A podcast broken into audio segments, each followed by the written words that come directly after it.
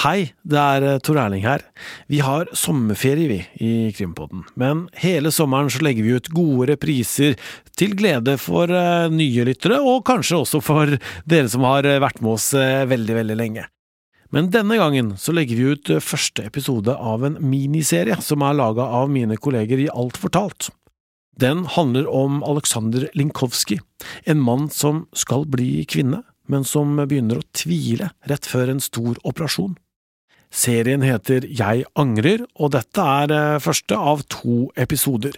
Den siste episoden finner du i Podme, der du også finner alle de eksklusive episodene som vi i Krimpodden lager for eh, deg som lytter i Podme eller via VG+.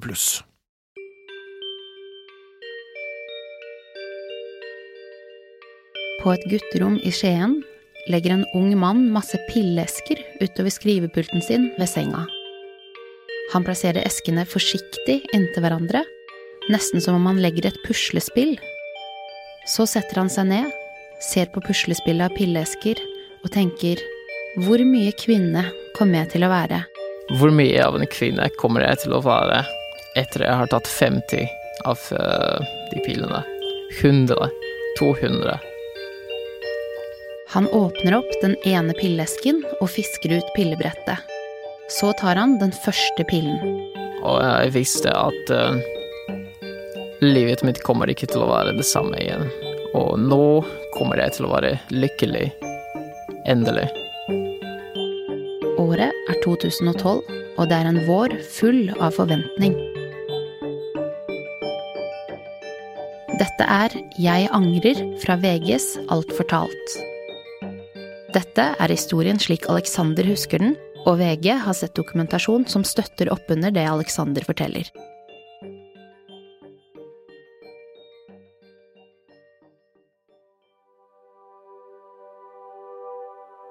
Aleksander Linkowski vokser opp i Polen, i en liten landsby med ca. 4000 innbyggere. Han er et barn som trives godt alene, i selskap av bøker og gamle filmer, og med 60- og 70-tallsmusikk på ørene. Jeg lærte meg engelsk veldig uh, tidlig, så jeg hadde tilgang til uh, type medier som uh, andre ikke helt uh, forstod, som det føltes at jeg levde i en uh, helt annen verden, det mentalt var jeg ikke begrenset til den lille byen jeg bodde i. Alexander tenker aldri på seg selv som noe annet enn en vanlig gutt, men som tiåring begynner han å bli mer selvbevisst og en tanke begynner å melde seg. At um, jeg er ikke som andre barn i det miljøet. Han beskriver seg selv som en romantiker, en som liker å tenke og filosofere. Jeg var ikke særlig uh, feminin, jeg har aldri uh, vært det, men uh, når du sammenligner dette med et miljø hvor man skal være hypermaskulin, så skilte jeg meg ut uh, veldig uh, tidlig. I tillegg til å ha andre interesser enn de andre guttene, kommer han også sent i puberteten. Jeg uh, ser ut som et barn, mens andre gutter rundt meg begynner å bli høyere enn meg, større enn meg og sterkere enn meg. Og dette i seg selv var um, en grunn til at jeg var en slags uh, easy target uh, for uh, mobbing. Alexander forteller om mobbing hver dag på skolen, som oftest i pausene mellom timene og før skoledagen begynner. Jeg ble fortalt at jeg, jeg kunne aldri bli en ekte mann. Jeg ble kalt en liten bitch. Mobberne kaster mynter på ham og sier Dans, din bitch. De lager mobbesanger om han og kaller ham for homofil og en jente. Og jeg ble fortalt at jeg kommer aldri til å få meg en kjæreste.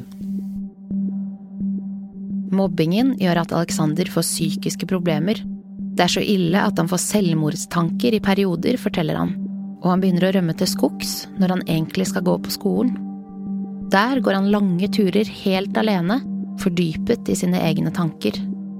Jeg begynte å tenke at uh, det er helt umulig for meg å leve opp eh, til den forventningen som eh, ble satt til meg som en mann. Og fra dette begynner en annen tanke å vokse frem i Alexander. Da tenkte jeg at det hadde vært mye lettere for meg å leve opp til kjønnsrolla til en kvinne. At for å bli verdsatt for de egenskapene jeg har, så måtte jeg blitt født som en jente, og som, som en kvinne. Tanken utvikler seg raskt til en slags besettelse. Uansett hvor han er eller hva han gjør, så ligger denne tanken i bakhodet. Og det som begynte som en tanke, har nå blitt en overbevisning. Etter hvert uh, begynte jeg ikke uh, bare å føle meg som en kvinne, men også tenke på meg selv som en uh, kvinne. En dag kommer Alexander tilfeldigvis over en artikkel om en transkvinne. Han vet ikke så mye om transtematikken fra før, men det han leser, gjør han nysgjerrig. Han googler 'trans', og på den måten kommer han over et forum. Et forum for transpersoner. Sånn eh, ble jeg kjent med konseptet å eh, bli født i feil kropp. Han scroller seg videre nedover på forumet. Det er unge fra hele verden som skriver om sine opplevelser som trans, og Alexander kjenner seg igjen i mye av det de skriver. Og jeg tenkte, siden jeg passer ikke i den rollen som er forventet av meg, så jo, stemmer det, jeg er født i en feil kropp. Alexander bestemmer seg for å skrive et eget innlegg på transforumet. Der skriver han om seg selv, at han føler seg som en kvinne, men lever i en mannekropp. Og han får svar han kommer i snakk med flere andre transpersoner. Og eh, det jeg ble fortalt, er at um, jeg har noe som kalles for uh, kjønnsdysfori. Alexander kjenner ikke til begrepet fra før, så han googler igjen. Kjønnsdysfori. Det betyr at kjønnet du blir registrert med ved fødsel, ikke samsvarer med det kjønnet du identifiserer deg med. Det var mange begrep som var helt uh, nye for meg, og uh, når jeg først uh, fant ut hva det heter, jeg følte meg som en liten ekspert, på en måte. Alexander blir også kjent med en transkvinne via forumet, forteller han. Hun ble født som en mann, men er nå kvinne, og hun sier at livet hennes har blitt mye bedre etter at hun skiftet kjønn. Det var som å se lyset da tenkte jeg ja, nå har jeg en løsning til alle mine problemer. Alle mine problemer forsvinner hvis jeg gjør bare den ene tingen. Og det var første gang jeg hadde et klart mål i uh, livet mitt om hva jeg skulle gjøre. Og det handlet ikke om uh, drømmeyrke. Det handlet om å uh, bli en kvinne. Men for hver dag som går, ser han mer og mer ut som en mann på utsiden. Og nå er jeg 16 og begynner å uh, hate alt med kroppen min som gjør meg til en mann. Omtrent på samme tid bestemmer familien til Alexander seg for å flytte fra den lille landsbyen i Polen til Norge. Faren hans har allerede jobbet i Norge i mange år, og de flytter til Skien, der Alexander begynner på videregående skole. Det føles som en helt ny start. Jeg tenkte det blir lettere for meg å bli uh, akseptert her enn uh, det hadde vært i Polen. Bortsett fra medlemmene på transforumet er det ingen som vet at Alexander føler seg som en kvinne på innsiden. Han har ikke delt tankene sine med noen andre. Nå har han bestemt seg for å si det høyt for første gang og fortelle det til moren sin. Det å snakke med noen om det Eh, for første gang var muligens en av de vanskeligste uh, ting uh, jeg har gjort i løpet av hele livet mitt. Det tok meg dager, eller kanskje til og med uker, før jeg klarte å si det. For hvordan forteller man egentlig noe sånt? Han husker øyeblikket godt. Moren hans står ved vinduet ved kjøkkenet og lager middag, med ryggen vendt til, da han sier at han har noe å fortelle henne. Men istedenfor å si det rett ut, ber han henne om å gjette seg fram til hva han skal fortelle. Så skal han svare ja eller nei.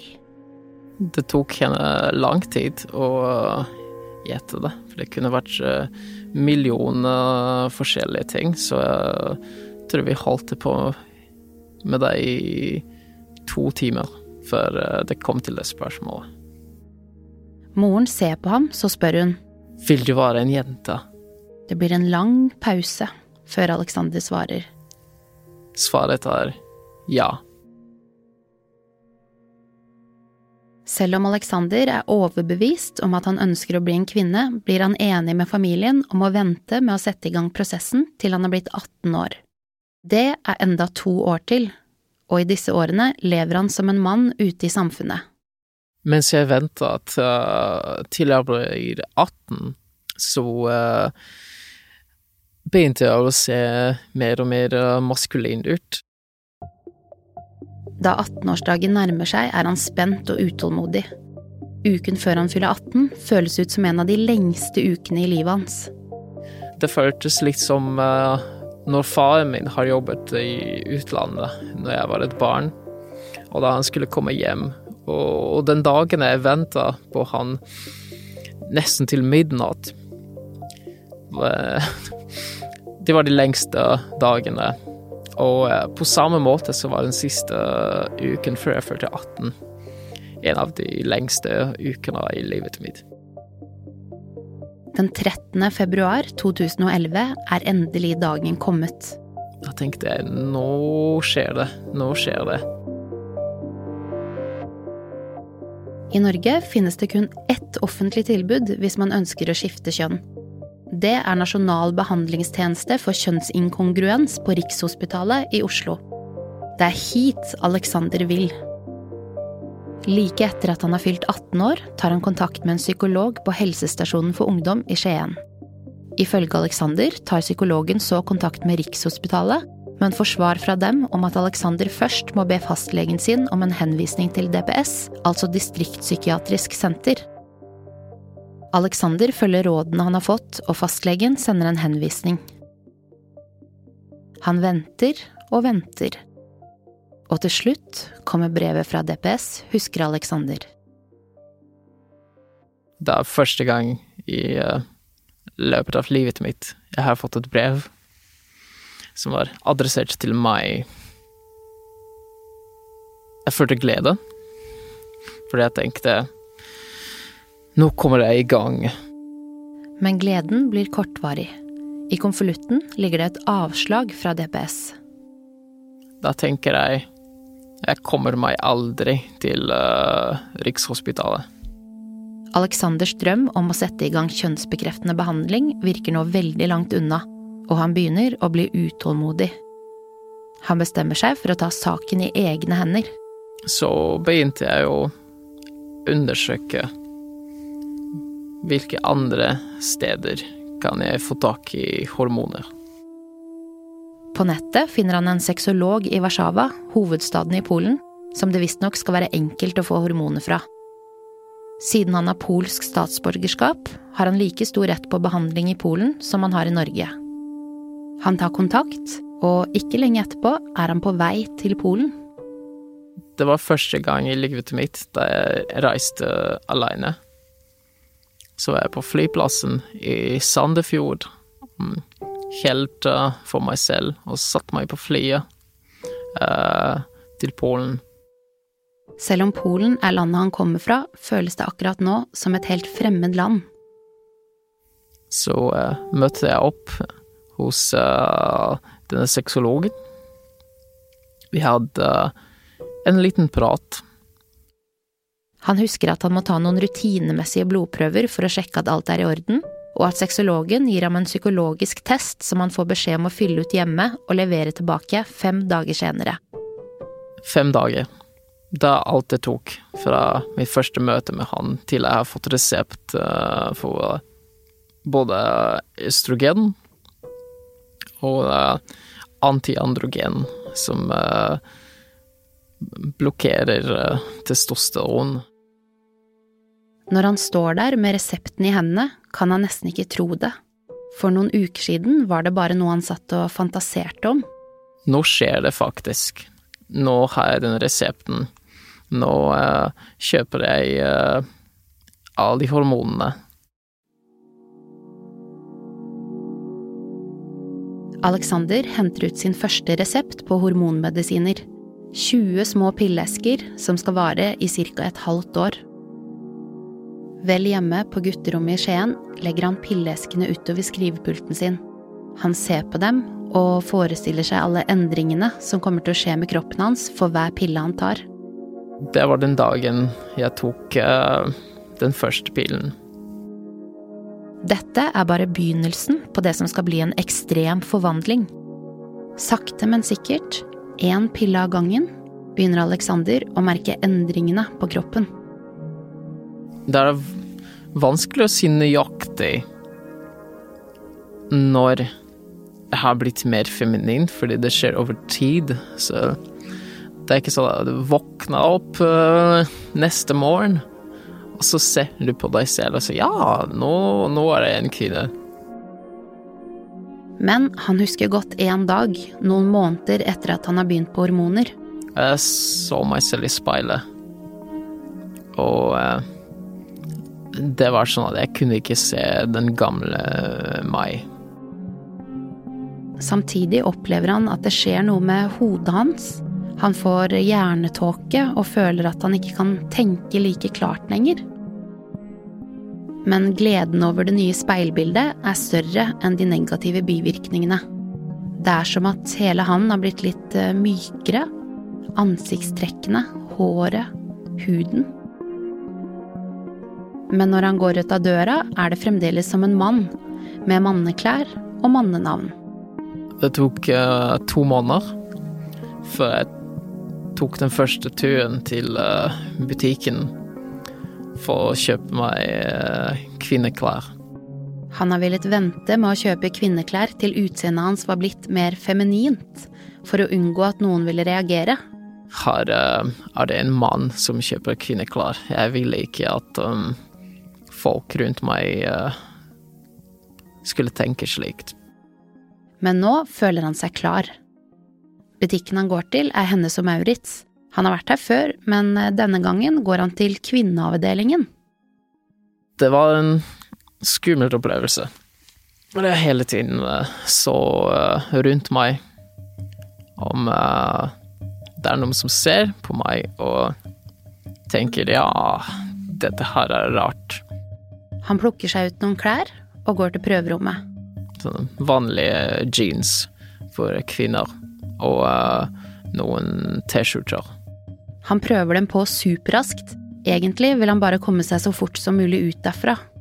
Passer det til min kropp? Uh, ja. Ferdig. Dra hjem. I prøverommet i butikken går alt så raskt. Det er ikke før han kommer hjem at han rekker å kjenne ordentlig etter hvordan det føles å ha på seg de nye klærne. Det føles ikke naturlig uh, i det hele tatt. Det føles veldig rart. Det krever litt tilvenning, men eh, gradvis merker Alexander at det endrer seg. Jeg følte meg mer komfortabel i kvinneklær.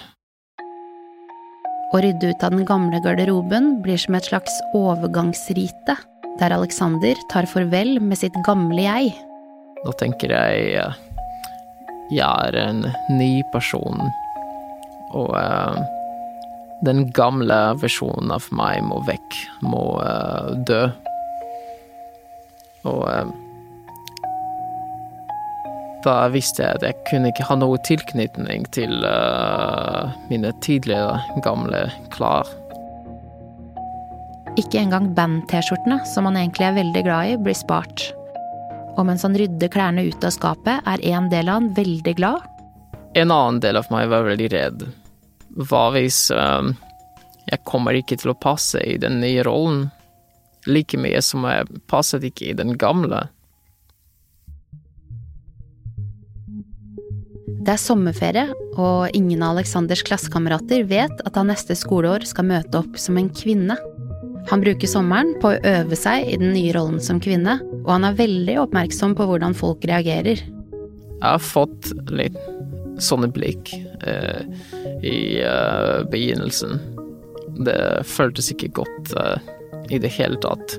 Men etter veldig kort tid så ble jeg oppfattet som en kvinne av resten av samfunnet. I juli bytter Alexander navn. Jeg husker første gangen uh, jeg hilste på en ny person med det nye navnet. Uh, det var en kvinne i 40-årene jeg hilste på. Og jeg sa hei, jeg heter Dominica Jennifer. Navnet har han visst lenge. Det ble planlagt allerede da han bodde i Polen for flere år siden. Det første navnet har vært et navn jeg har alltid uh, likt. Eh, det andre navnet var til en skuespiller som heter Jennifer Connolly, som spilte i en av mine yndlingsfilmer fra 80-tallet, som heter Fenomenet. Likevel føles det litt rart å introdusere seg som Dominica Jennifer for første gang. Jeg måtte tenke veldig hardt for å si det riktig en del av meg hadde et ønske om å bruke det gamle navnet, selv om uh, det ikke lenger var uh, relevant. Den andre persons reaksjon var sånn helt vanlig, at ja, det er det jeg heter. De tenkte ikke at det var noe rart med det. Og jeg tenkte wow, dette har jeg bra. Før skolestart sender han meldinger til noen av de han går sammen med på skolen. Han skriver Hei. Uh, når det kommer til å se meg uh, neste skoleår, så uh, kommer jeg til å være en jente. Det var skummelt å fortelle det, fordi man vet aldri hva slags reaksjon man får. Men svarene han får på meldingene, overrasker han. Uh, svarene jeg fikk, var alt fra uh, ok til uh, ja, jeg forstår. vi ses snart. Når han kommer tilbake til skolen på høsten, føler han at de fleste aksepterer han i den nye rollen som kvinne. Jeg var overbevist for at det var et riktig valg for meg, at det er det jeg skal fortsette med. Nå er det bare én ting som skiller han fra å være en ekte kvinne, tenker han. Selv om dypest inne følte jeg meg som en kvinne, og uh, når jeg så i speilet, så så jeg en kvinne. Så var det en del av kroppen min som uh, ikke var det. Alexander ser ned på kroppsdelen som er en ubehagelig påminnelse om at han er født mann penisen hans? Uh, det er en uh, transkvinne jeg har hørt om, som heter uh, Kim Petras fra Tyskland. Og hun var den første transkvinnen som ble operert før hun har blitt 18. Og når jeg så de bildene av henne, så tenkte jeg wow, jeg kunne aldri gjette at dette her er en person som uh, var født gutt. På bildene ser Alexander en blond, blåøyd ung kvinne med hodet på skakke og med et perfekt sminket ansikt. Jeg tenkte dette her skal være meg. Jeg uh, kommer til å være akkurat som alle andre kvinner. Alexander bestemmer seg for at han vil operere bort penis og få en vagina for å føle seg som en fullstendig kvinne. Genitalkirurgi fra mann til kvinne, altså operasjon av kjønnsorganene, innebærer å fjerne penis og testikler. Det lages så en ny kanal mellom urinrøret og endetarmen, hvor man bruker penishuden til å lage en vagina. En liten del av penishodet brukes til å lage en klitoris. I Norge er det kun Rikshospitalet som kan gjennomføre denne typen kirurgi som en del av kjønnsbekreftende behandling. En annen mulighet er å reise til utlandet for å operere. Da krever de fleste klinikker at du har et anbefalingsbrev der en lege eller psykolog sier at du er trans, og at dette er en behandling som anbefales. Siden Alexander ikke kommer seg videre for å bli henvist til Rikshospitalet, søker han råd hos en sexolog i Skien. Og sexologen forteller at hun vet om en lege i Grimstad som kanskje kan hjelpe han videre. Legen heter Espen Ester Pirelli Benestad. Det var i uh, 2013, litt over et år etter jeg har begynt på hormoner. Det er først møte møtte uh, Benestad. Alexander kjenner ikke til Benestad fra før, og når de møtes for første gang, husker han at Benestad presenterer seg som en kvinne, og at hun er kledd i kvinneklær. Det var ikke noe jeg er vant til å se før. Den første timen med Benestad er i Skien sammen med den andre sexologen, der Benstad spør om Aleksanders bakgrunn, hvor lenge han har tatt hormoner, og hvor lenge han har levd som en kvinne. Jeg fortalte blant annet at um, jeg opplevde kjønnsdysfori og uh, følelse at uh, jeg har blitt født i feil kropp uh, siden jeg var veldig ung. siden barndom. Syv-åtte år gammel. Alexander tenker at han må lyve for å få behandlingen han ønsker seg. Han er redd for at hvis han sier det som det er, at han egentlig har ført seg som en kvinne siden han var 15–16 år, så vil han bli avvist igjen. Slik Alexander husker det, spør ikke Benstad noe om hvorfor han føler seg som han gjør. Ikke noe um, psykologisk uh, diagnostisering. Ikke uh, noe snakk om hva som var grunnen til at jeg ønsket å skifte kjønn. Så ikke noe graving som kunne finne frem til uh, mine tidligere traumer. Bare det at jeg føler meg som en kvinne. Til VG sier Espen Ester Pirelli Benestad at hen gjorde en grundig utredning av Alexander. Det neste møtet foregår i Grimstad, der Benestad har sin legepraksis. Den andre timen hos uh, Benestad har vi avtalt at jeg skal ta blodprøver, og resultatene blir uh, sendt til han. Etter dette går det to måneder før neste møte, mens de venter på resultatene på de rutinemessige blodprøvene han må ta for å få hormoner. Så fikk jeg en time til, og da fikk jeg tak i øh, østrogen fra Benestad. Og det er på dette tredje møtet at Benestad også skriver anbefalingen. Den han trenger for å kunne reise til en kirurg i utlandet og gjennomføre genitalkirurgi den tredje møtet med Benestad skrev han et brev, et anbefalingsbrev til en uh, kirurg i Thailand. Jeg satt uh, da på kontoret mens uh, Benestad var rettet mot PC-en sin og holdt på å skrive. Det tok um, kanskje ti-fem minutter å skrive det brevet. Alexander sitter stille og venter, mens blikket hans beveger seg rundt i rommet. Kontoret er fullt av bøker og dokumentmapper. Innimellom brytes tausheten av at Benestad leser høyt fra hva hun skriver i brevet. Litt om uh, hvor lenge jeg har levd uh, som en transkvinne. At jeg uh, har vært på østrogen i litt over ett og et halvt år. Og om at jeg har eh, siden ung alder opplevd eh, kjønnsinkongruens. Eh, følelse at jeg ble født i en feil kropp. I brevet VG har sett, skriver Benstad. hun har ingen kjent psykiatrisk diagnose og sporer sitt transgender tilbake til åtteårsalderen. Jeg har kjent henne i omtrent fem måneder, men jeg har også blitt informert av hennes tidligere terapeut. Hun oppfyller alle kriteriene, og det er alle grunner til å tro at kjønnsbekreftende kirurgi representerer en medisinsk nødvendighet for å gjøre hennes kjønn kongruent, står det i brevet. Til slutt printer Benstad ut brevet og gir det til Alexander.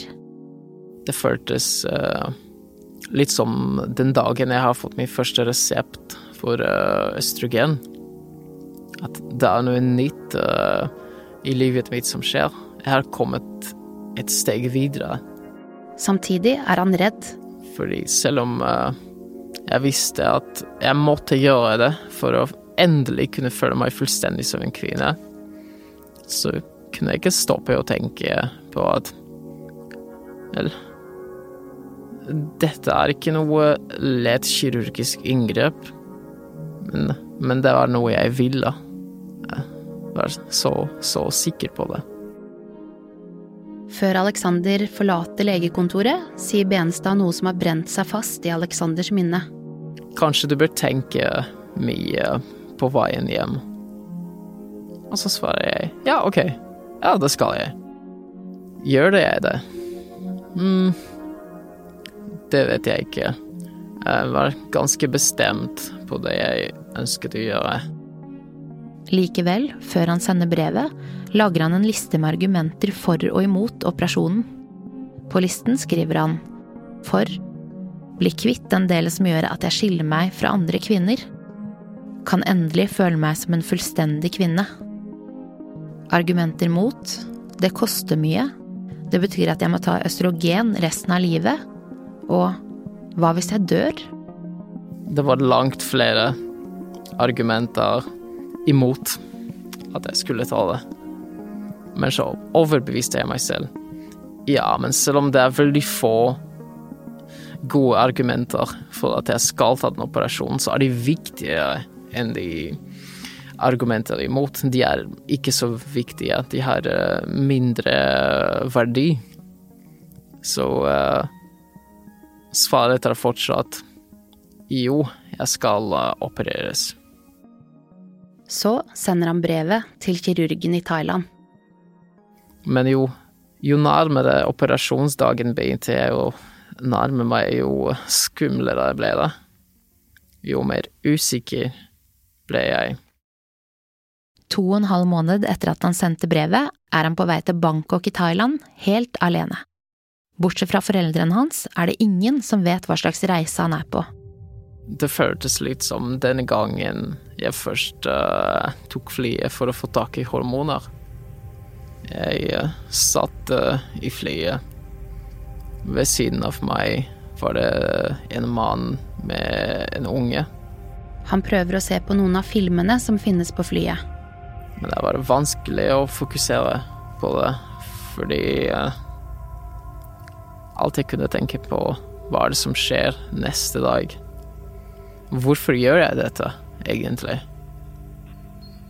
Er det så viktig for meg? Flyturen tar elleve og en halv time, og hele tiden sitter Alexander med en ekkel følelse i magen. Når flyet lander i Bangkok og Alexander går ut av flyet, blir han dratt ut av tankene sine.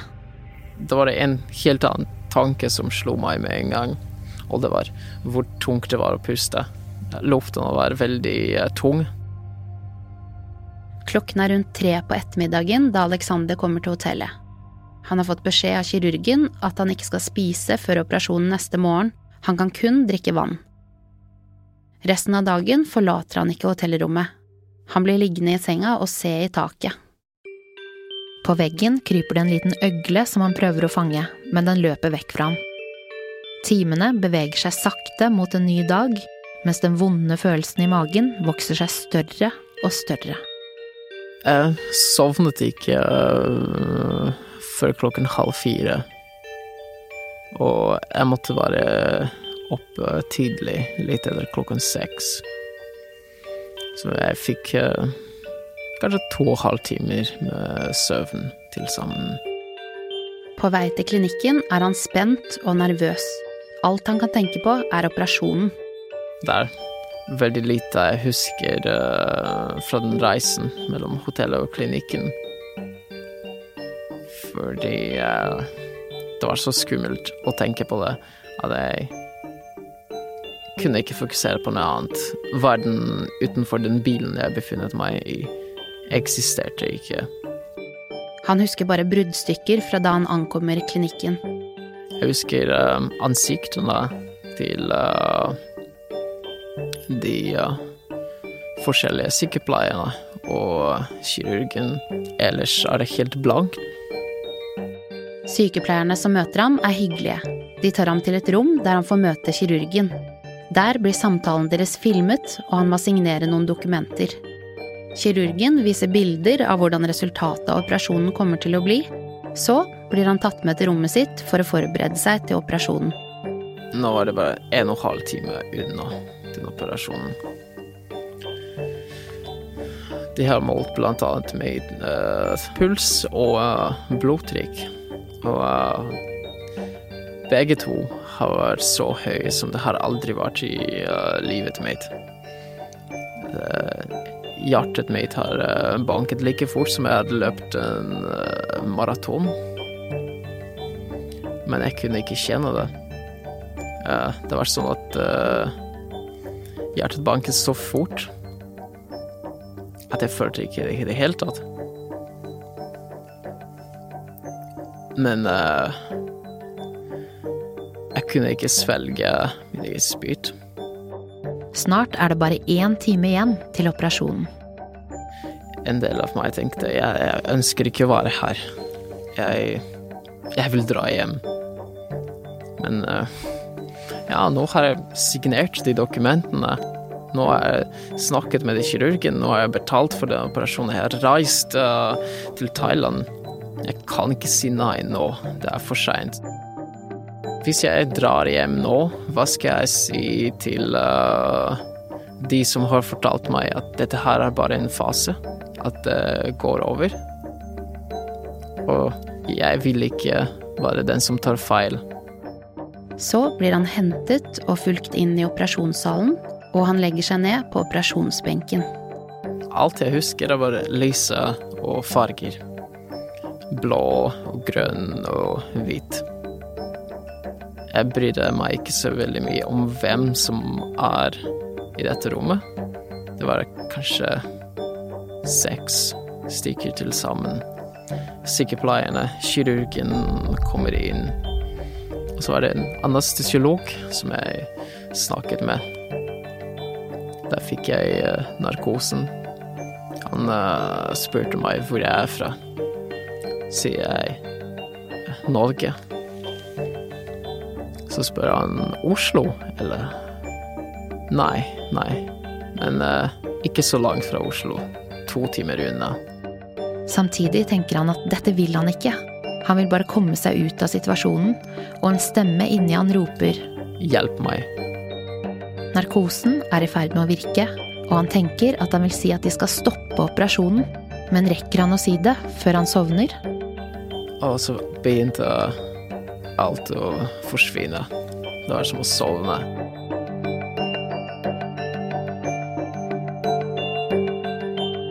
Denne podkasten er basert på Aleksanders historie. Vega har lest henvisningen han fikk til operasjonen i Thailand, i tillegg til e-postkorrespondansen mellom Alexander og klinikken i Bangkok, og Aleksanders kontakt med sexologen i Polen. VG har vært i kontakt med sexologen i Skien, som ikke ønsker å gi en kommentar.